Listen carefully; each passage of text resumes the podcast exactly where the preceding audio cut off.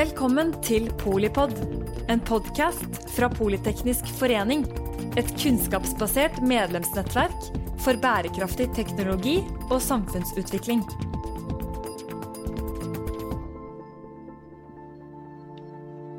Velkommen til Polipod og serien EU og oss, en podkastserie i samarbeid med Pål Frisvold om hva EU-samarbeidet betyr for Norge. Serien er produsert med støtte fra stiftelsen Fritt Ord.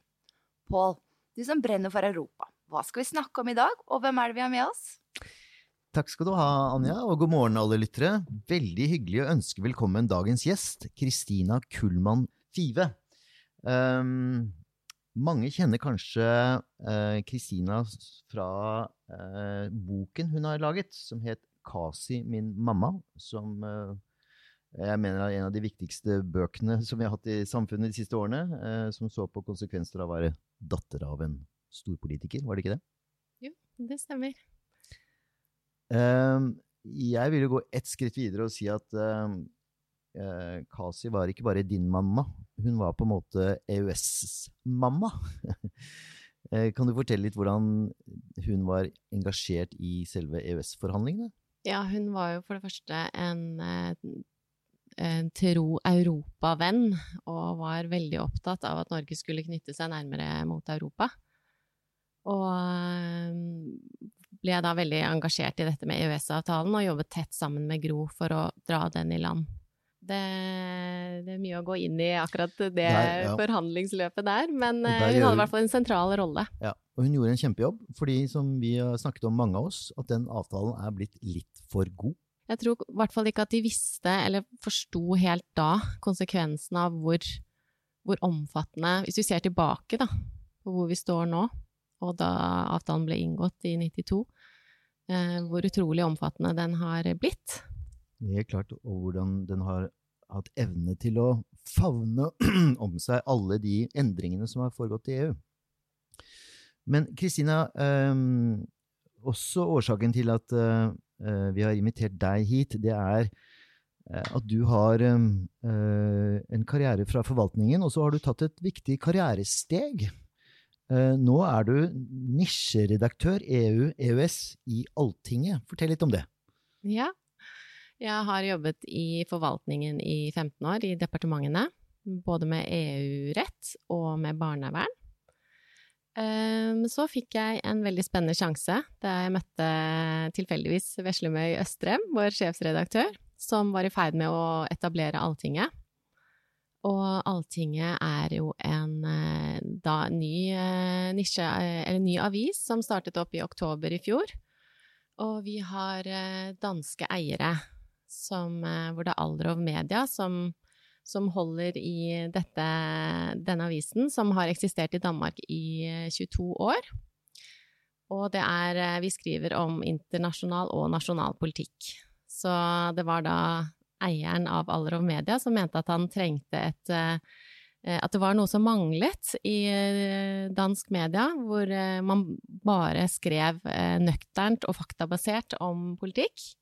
Og det har han da virkelig klart å etablere. Og så har han også etablert Allting i, i Sverige. Og så vil han utvide til Norge. Så det er et kjempespennende prosjekt med da nordisk samarbeid. Og da, når Veslemøy skulle vurdere hva, som, hva man trengte å vite mer om i, i, norsk media, så så hun at det var et stort gap når det gjaldt dekning av EU-stoff.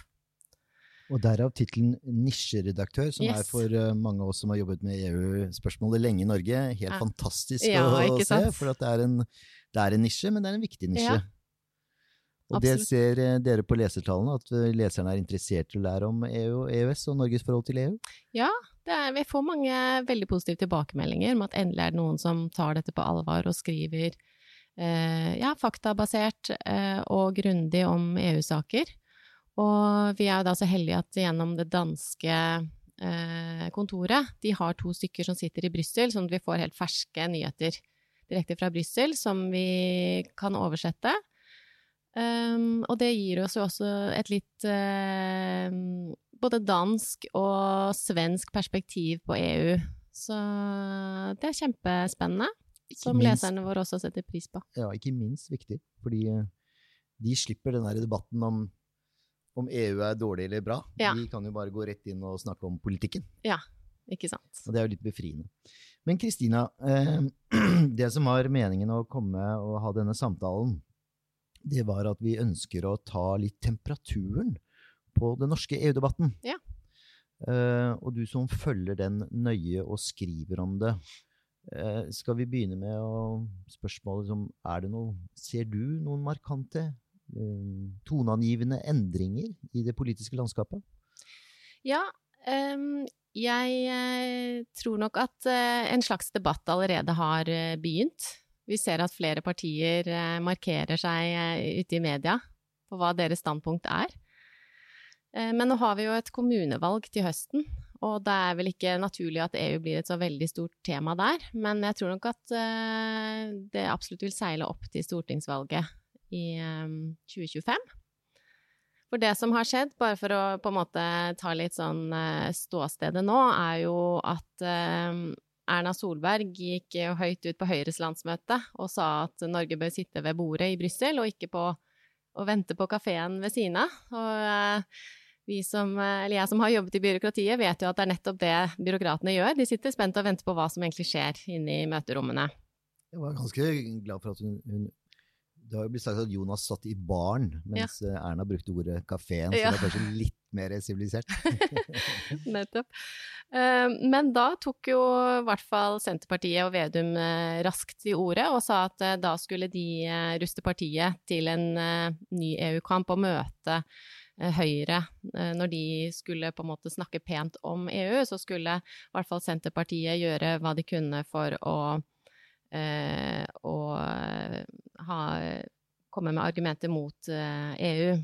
Og de ha, har jo markedsført seg selv som en garantist mot EU-medlemskap, og det er også den De har en slags som funksjon i regjeringen også.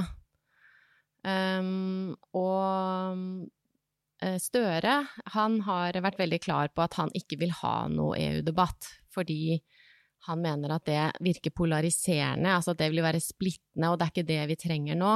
Nei, det er en Men- interessant eh, Ja, og det har han jo for så vidt rett i, at det er vel ingen som på en måte ønsker eh, altså eh, bråk, men det er jo også for å beskytte sin egen regjering, sikkert, fordi eh, han selv er jo klar eh, ja-mann, mens eh, finansministeren og, og, og eh, Senterpartileder Vedum jo er en klar nei-mann, og eh, det kompromisset de har kommet frem til, er jo at det er EØS-avtalen de skal forholde seg til i det regjeringssamarbeidet. Og Kristina, dette har vi sett, vi så det jo med eh, Erna Solbergs regjering også, eh, at de fredet eh, EU-saken Erna sagt, når de gikk i regjering både med Kristelig Folkeparti og senere Fremskrittspartiet. Mm. Så, så det er jo en, et dilemma Mm. som vi alltid har i norsk politikk, og kan det dilemmaet noen gang løses uten en Uten å ta den der splittende, polariserende debatten som vi er så redde for? Ja, nei, jeg, tror at eh, Altså, Støre er redd for den, da, fordi det kanskje vil sette regjeringen hans eh, på prøve. Men eh, så jeg tror nok at kanskje det trykket må komme egentlig litt utenfra. Kanskje vi i media har en litt viktig rolle å spille der, og at folk diskuterer mer er viktig. Men fortell meg, Kristina, du som har erfaring fra forvaltning, og jeg vet også du har hatt en periode ved EFTAs overvåkningsorgan i Brussel. Ja. Um, hvordan mener du tilstanden er på både forståelse og um, evne til å rapportere i norsk media fra det som skjer i Brussel, og hvordan Norges Altså Jarle Roheim og Håkonsen sa hver gang når han var korrespondent i Brussel, at endelig så skal jeg på et Nato-møte, for da kan jeg snakke med folk, eh, med nordmenn som sitter innenfor. Slik at norske journalister har faktisk et problem med å få inntak i de politiske debattene, fordi at det er ikke så lett å snakke med svensker og dansker om norske posisjoner. Nei. Ja. Ehm, jeg tror at litt av grunnen til at det er så lite om EU i norsk media, er at dette er så kjempekomplisert. Og, og jeg som da både har jobbet med EU-rett, jeg har en mastergrad i EU-rett, jobbet i Brussel eh, med dette her i mange år. Det er jo fortsatt veldig masse som jeg ikke skjønner, bare av lovgivningsprosessen. Det er masse komiteer for alt mulig. Altså, det er jo så stort. Og uoversiktlig. Så det skjønner jeg egentlig veldig godt, at en helt vanlig journalist ikke helt greier å sette seg inn i dette. Um, og da, så, også som du er inne på, vi har ikke så veldig mange å snakke med på innsiden. Og da er det klart at det er vanskelig å, å gi en veldig uh, Å rapportere godt om hva som egentlig skjer. Og så har vi også det at vi har en delegasjon som vi sier er veldig stor for den største norske utenriksstasjonen, men den er jo en tredjedel av hva Sverige og Danmark har. Ja. Vi har bare én ambassadør, Sverige og Danmark har fire hver. Mm. Um, og så har de en Altså, det offentlige Norge har jo en veldig begrenset diskurs da, om EU og EØS. Uh, Ja. offen- offisielt så er EØS gullstandarden, og vi får aldri anledning til å eh, få noe som helst kritikk. Ja. Eh, og det er også et, eh, selvfølgelig en problemstilling, en sånn bylle som journalisten ikke klarer å stikke hull på. Og så er det bruker forvaltningen veldig um, vanskelige begreper. Altså, det er jo den lovgivningstradisjonen som kommer fra, fra EU, er, er veldig uforståelig, egentlig. Eh, og så bare overføres den på en måte til det norske regelverket og, blir, og er like uforståelig.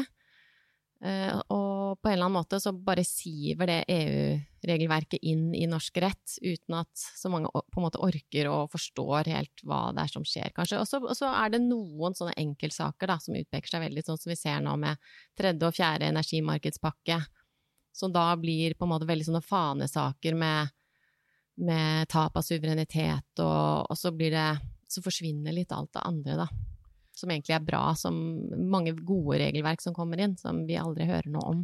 Absolutt. Og vi så jo det i denne kommisjonen for Nav-skandalen, eh, da professor Finn Arnesen på Universitetet i Oslo, juridisk fakultet, eh, skrev en rapport eh, som hadde tittelen 'Blindsonen'. Og jeg syns det er ganske Ja.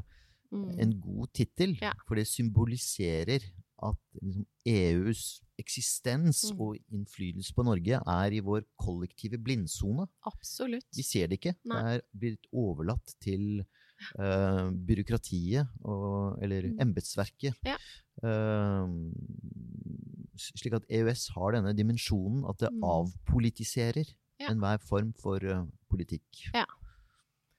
Fordi gjennom den avtalen så er vi jo forpliktet til å ta inn alt regelverk som gjelder det indre markedet, eh, uten at vi egentlig får stilt så veldig mye spørsmål ved det. Og grunnen til det er jo fordi at alle som er deltakere i det indre markedet, må ha det samme regelverket for å kunne handle fritt uten barrierer. Og det er jo Adgangen til det indre markedet er jo veldig viktig for Norge. Det er jo jeg mener at jeg hørte nå 92% av vår handel eh, går til Europa. Nå er det sikkert mye gassinntekter og sånn i det, men i hvert fall rundt sånn 80% er jo det indre markedshandel. Men så ser vi jo da Kristina, et EU som har utviklet seg veldig da, siden uh, ideen om det indre marked. Absolutt. Um, Mette Fredriksen, danske statsministeren, sa jo i sin nyttårstale at EU har gått fra å være et fredsprosjekt til et økonomiprosjekt til å nå være et klimaprosjekt. Ja. Og der eh, ligger jo ikke vi så veldig godt an i Norge. Så vi får jo litt, Jeg er jo da aktiv i MDG, og Ja. vår, eh, en av våre sterkeste argumenter er jo det at eh, nå tar jo EU lederskap på klima- og miljøområdet. Mm. Uh, som vi aldri hadde drømt om i 94. Nei. Og det er, fikk jeg jo ikke sagt helt når jeg nevnte de andre partiene, da. Men eh, MDG har jo nå, i hvert fall landsstyret, gått klart ut og sagt at eh, nettopp den, eh, det klimaengasjementet til EU er, er så viktig at de nå ønsker at Norge skal bli EU-medlem. Og så skal jo MDG ha landsmøte, er det neste helg? Hvor det blir spennende å se hva landsmøtet går for. Men eh, dette Jeg tenker at klima, hele klimaargumentet er jo egentlig en, eh, en game changer, syns jeg, da. Det var jo et nei-argument eh, i 94, vel, at man sa at da var vel eh, EU mer sånn eh, bare opptatt av eh, frihandel og markedstilgang. Eh, mens nå er det virkelig Altså det er, det er jo sier, det er et grønt godstog som bare dundrer inn på plattformen fra, fra Brussel. Og de Altså, det kommer jo nytt regelverk på miljøfronten hele tiden. Så det er en stu, stor utfordring for det norske embetsverket å ta unna alt det nye regelverket som kommer. Det er faktisk en ting som uh, din mor kanskje ikke hadde regnet med da hun Mm. laget EØS-avtalen. Det var Mm. denne, som du sa, dette godstoget. For nå kommer det eksepsjonelt mange rettsakter. Mm. Og Alf Ole Ask i Energi og klima har jo faktisk stilt det spørsmålet. Og eh, EFTAs overvåkningsorgan har jo sagt at ja, de stiller litt spørsmål om har Norge den ikke sant, Har vi den administrative kapasiteten i forvaltningen til å ta over alt det som kommer nå? Det er et godt spørsmål. Og så eh, har EU forandret seg litt ved at de eh, brer seg litt mer ut. eh, mens her i Norge så har vi på en måte sånne siloer. Altså departementene er ordnet inn i, i sånne slags siloer. Og vi tar oss av det som kommer inn i den ene siloen. I, i det løpet, eh, i klima- og miljøforvaltningen f.eks. Mens nå bruker EU stadig vekk eh, mye bredere verktøy, på en måte. Altså både regulatoriske, økonomiske og eh, ja, som, som treffer mye bredere enn den ene siloen som vi i den norske forvaltningen er vant til å bruke. Det er blitt mer politikk og Ja. rus. Mm.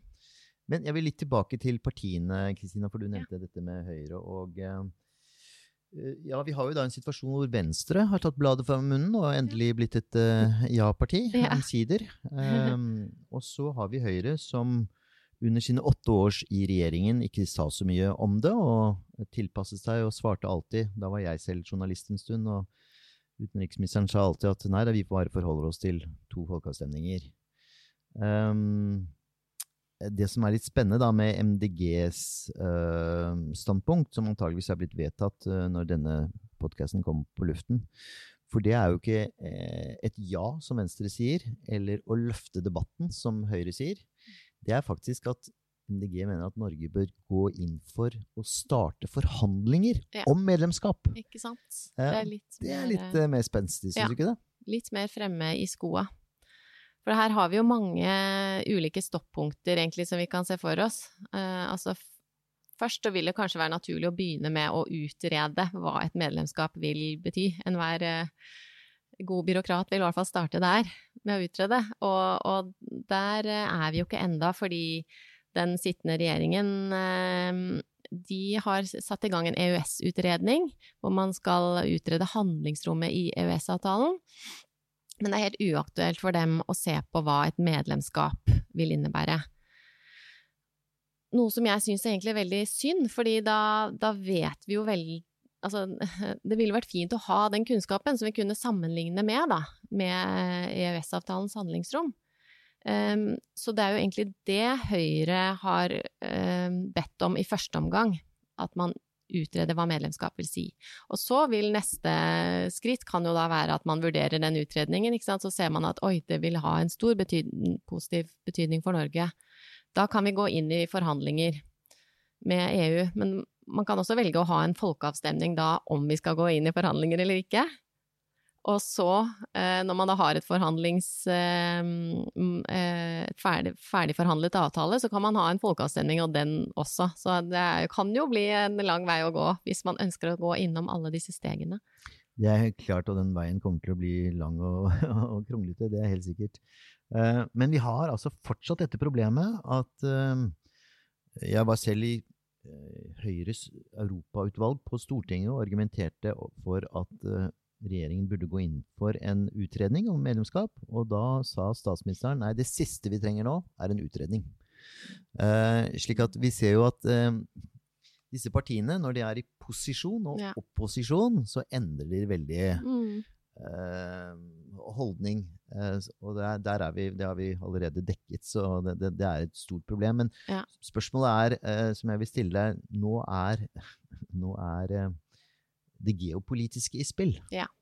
Ikke sant? Eh, Og vil det, Mm. ikke sant, er det, har vi kommet til et sånn now or never-øyeblikk i Norge? At Mm. eh, du snakket om at det må noen eksterne signaler til. Mm. Og kan vi, få, vi kan vel ikke se for oss et sterkere eksternt signal enn den krigen som foregår på Europas dørterskel akkurat nå? Ja.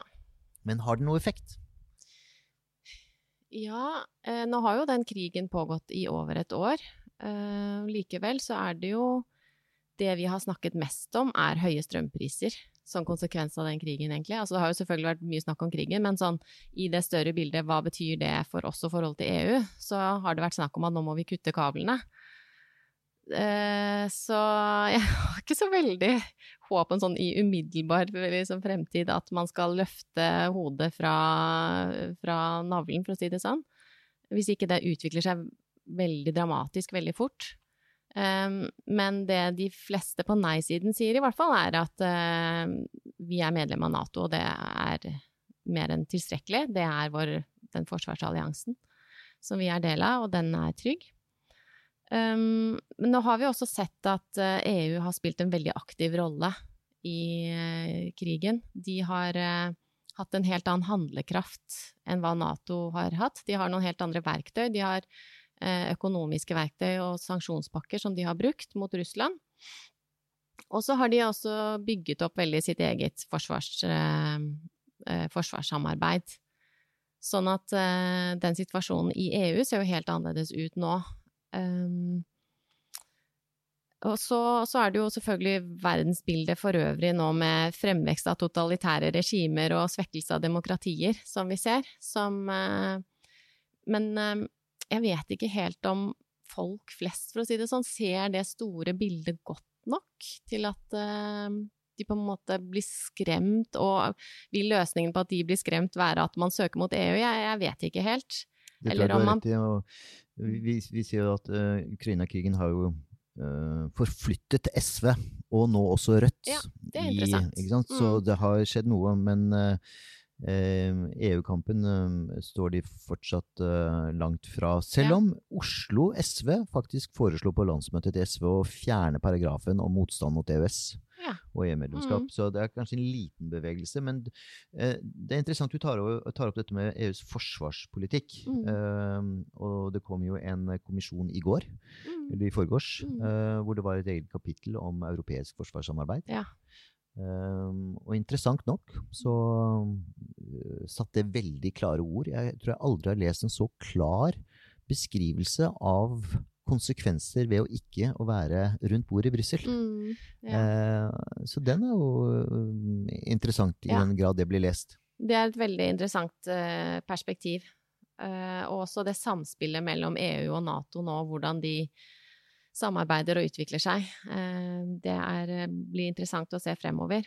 Men jeg tror nok at ja, altså, kombinasjonen av det en ny sikkerhetspolitisk situasjon og det grønne skiftet, det er jo to veldig tunge argumenter for kanskje at befolkningen etter hvert eh, vil tenke nytt. Og så, så, har vi jo altså, Av alt som har skjedd etter 94, så har vi jo hatt både koronapandemien og, og den i tillegg til den klimakrisen som vi nå er mye mer bevisst på. Ehm, det er jo sånne grenseoverskridende problemer som, hvor vi har skjønt at eh, vi er nødt til å jobbe sammen eh, over grensene, og vi har vært avhengig av EU e for å få til mange ting. Og når det gjelder både sånn kriseberedskap fremover osv., så, så vil det være fordel å være del av noe større. Men hvor, eh, hvor, bevisst befolkningen er på dette, er jeg usikker på. Um, og problemene vi har hatt i de forrige folkeavstemningene, så har det vært veldig sånn følelsesstyrt. Det har vært veldig sånn sterk retorikk med følelser på begge sider. Så um, Og der har vi fortsatt en utfordring, fordi ja. nei-siden er veldig flinke til å legge premissene for debatten. Ja, ikke sant? Um, det ser vi jo hvordan argumentet om uh, medlemskap i euro blir trukket frem. Ja. Vi ser på, som du nevnte, kablene, elektrisitetsmarkedet. Um, Høyre er jo veldig høyt på meningsmålingen og har en helt klar politikk om at det ikke er aktuelt å kutte de kablene. Ja. Uh, men på en annen side så er det et argument som, som da Høyres nei-velgere antageligvis tar til sitt bryst. Mm. Så det er veldig komplekst, det bildet. Ja. Um, og, og, og, der er det litt interessant, fordi som journalist ser du noen endringer i våre evner til å formidle disse tingene? Altså, er de som ønsker å gi et positivt bilde av EU Klarer vi å være mindre teknokratiske, detaljorientert, forvaltningsstyrt? Um, klarer vi å løfte liksom lage den samme schwungen som nei-argumentene? ja, jeg ser vel litt sånn på de eh, eh, debattinnleggene og sånn. Vi får jo en del debattinnlegg. Eh, så er du inne på noe litt eh, viktig der, at eh, de klare nei-side-debattinnleggene vi får, der er det ofte veldig mye følelser. Og derfor også Det er ikke alle de som jeg lar gå gjennom eh, min strenge kontroll, for nettopp fordi vi skal være faktaorientert avis, da, og ønsker å vi vil veldig gjerne ha Det er veldig mange gode argumenter mot EU, og vi ønsker at de skal bli belyst på en god måte, og ikke bare at det skal være eh, følelser. Um, så men mens på ja-siden så er det kanskje mye sånne tekniske, mye mer tekniske innspill som kanskje er litt vanskelig å fange for uh, den jevne leser. Og så har det selvfølgelig um, landbruk og fisk, ja. som er to viktige områder som har blitt holdt utenfor EØS-avtalen. Ja. Um, som har sterke næringsinteresser. Mm. Um, man kan jo spørre seg om hva er NHOs holdning til EU-medlemskap i disse dager? De har jo fått inn Tine på sin medlemsliste. Ja. og derfor fokuserer de vel mest på EØS, for å holde da landbruket mm. fortsatt utenfor. Ja. De er veldig glad i EØS-avtalen, i hvert fall. Og eh, det, de er veldig opptatt av at man Det som også er viktig for norsk næringsliv, er jo å ha akkurat de samme spillereglene som EU. Så det er jo litt uh, morsomt at man Man er jo veldig glad i Det er rart at man er så glad i EØS-avtalen når det, det, er jo sto, en stor del av EU, det indre markedet, da. Um, men uh, ja, nå snakket jeg meg litt bort, men, men, bare for å ta opp det der med now or never-tidspunkt, ja. nevnte du. Ja. Eh, det vil jo bare gripe tak i, tak i det, fordi eh, jeg tror nok egentlig ikke at dette er et sånt nå eller aldri-øyeblikk. Fordi hvis Altså, denne krigen har jo vært såpass sjokkerende for oss alle, men likevel så er det jo strømpriser vi snakker om, som sagt. Um, sånn at det har ikke gjort noe sånn umiddelbar effekt på de meningsmålingene, i hvert fall. Og jeg tror nok at uh, Norge vil være en populær samarbeidspartner for, uh, for, EU nå i tiden fremover. Vi har da blitt den største uh, gassleverandøren til EU nå etter at Russland skrudde av kranen, og, og Norge virkelig sto på for å fylle det gapet. Og sånn sett så har vi jo blitt veldig populære. Og det vil vi nok da være en god tid fremover. Men på sikt så kommer nok EU til å vokse østover, og, vil også flytte tyngdepunktet mot øst. Og um, oppmerksomheten vil vris mer den veien. Og nå er vi jo veldig gode, gode venner med Tyskland, eksempel, som har en stor stemme i EU. Men uh, vi bør vel være litt på vakt mot at fremover i tid så vil ikke EU være sånn kjempeopptatt av Norge. Så nå har vi gode forhandlingskort, da, vil jeg si, og at kanskje de svekkes uh, jo lenger tiden går. Ja, det, er interessant du sier det. fordi uh, det er helt klart at uh, Norge er en viktig spiller, og med den uh, økningen i gasseksporten. På den annen side så er det jo mange stemmer i Brussel som er litt sjokkert da, over at uh, vi har tatt så mye penger for den gassen, ja. som har ført til mye fattigdom i Europa. Mm. og det er jo noe som vil komme sigende etter hvert. Ja. Og at den norske regjeringen satt litt sånn, kanskje litt for stille i båten når man skulle snakke om var det noen mulig, har vi noen muligheter i det hele tatt for å redusere ja. prispresset? Ja. Um, og den arbeidsgruppen som ble satt sammen, de møtte ikke akkurat så veldig mange ganger, og mm. kom veldig lite ut av det. Ja. Uh, og så har jo EU en plan, en ganske nøyaktig, en konkret plan for å komme seg ut av naturgass. Mm. Uh, både fra øst og vest og nord og sør. Uh, mm. Så jeg tror du har rett i at den derre det, det, gløttet vi er i nå, da, hvor vi mm. har en uh, posisjon, ja. Eh, det vil nok ikke vare. Og da er igjen spørsmålet ikke sant? Vil det ikke da være interessant å gå inn i en dialog om hvilke eh, På hvilken måte vi skal bli medlemmer, når vi nå har et godt forhandlingskort? Ja. Det er sånn Fra min, mitt ståsted så vil jo det være lurt å både utrede så snart som mulig hvilket eh, eh vår nytte av et medlemskap og, og, kanskje begynne å tenke på forhandlinger. Men uh, uten at det nødvendigvis trenger å være et medlemskap, at man forhandler. Ja, så vi er der.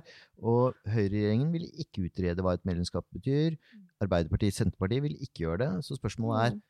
har vi noen miljøer i Norge som kan utføre en sånn studie, en sånn eh, rapport? Og hvem skulle finansiere den? Ja, ikke sant. Eh, Vi ser noen Det er jo noen som forsøker. Vet at eh, Civita prøver å, å undersøke litt, og de intervjuer eh, ulike, ulike kunnskapsmiljøer. Og NUPI har også en veldig interessant studie om Norge og EU mot 2030. Så, men det er klart, den NOU-en, eh, altså den offentlige utredningen om hva et medlemskap eh, ville medført for Norge, den lar nok vente på seg, dessverre. Og der, eh, der har vi en stor utfordring. Vi hadde jo en NOU i 2012, utenfor Ikke innenfor. Ja. 911 siders rop om hjelp, som Mhm. noen kalte den. Eh, veldig beskrivende, Ja. eh, men selvfølgelig godt nedgravd i lange mm, setninger og mange Mm. sider. ja. Så det ble vanskelig å løfte frem. Ja. Ehm, så, så, så en NOU har jo selvfølgelig en viktig rolle for, Mm. å, for å kartlegge kunnskapen. Men uh, om, om det rykker på, rikker på holdningene, det er jo, blir en annen sak. Nei, så jeg tror at uh, ja, i og med at regjeringen er såpass klar på at ikke de vil ha mer kunnskap om det, så, så må jo vi søke kunnskap selv og prøve å finne de gode argumentene for og mot, og opplyse. Opplyse befolkningen er pressens uh, oppgave, da. Så jeg håper jo at flere At det vil bli flere nisjeredaktører med EU i tittelen. Det, ikke, altså det er ikke bare Alltinget som Nå er det jo andre, andre aviser også som skriver godt om det, altså. Men det kan bli absolutt flere. Det tror jeg hadde vært veldig sunt. Det tror jeg du har helt rett i, og jeg ønsker Alltinget lykke, og deg også lykke til med det arbeidet dere gjør. Jeg håper dere får eh, nytte av den økende interessen for EU-spørsmålet, at det ja. også betyr flere lesere. Ja, takk. Det er jo tross alt viktig for dere. Og Ja. tusen takk, Kristina, for at du kom hit til Polycom. Ja, tusen takk. Det var veldig interessant. Veldig hyggelig å snakke med deg. Ja. Takk for at du lyttet til Polipod fra Politeknisk forening. Få med deg flere episoder, eller bli med på nettverksmøtene som du finner på at polyteknisk.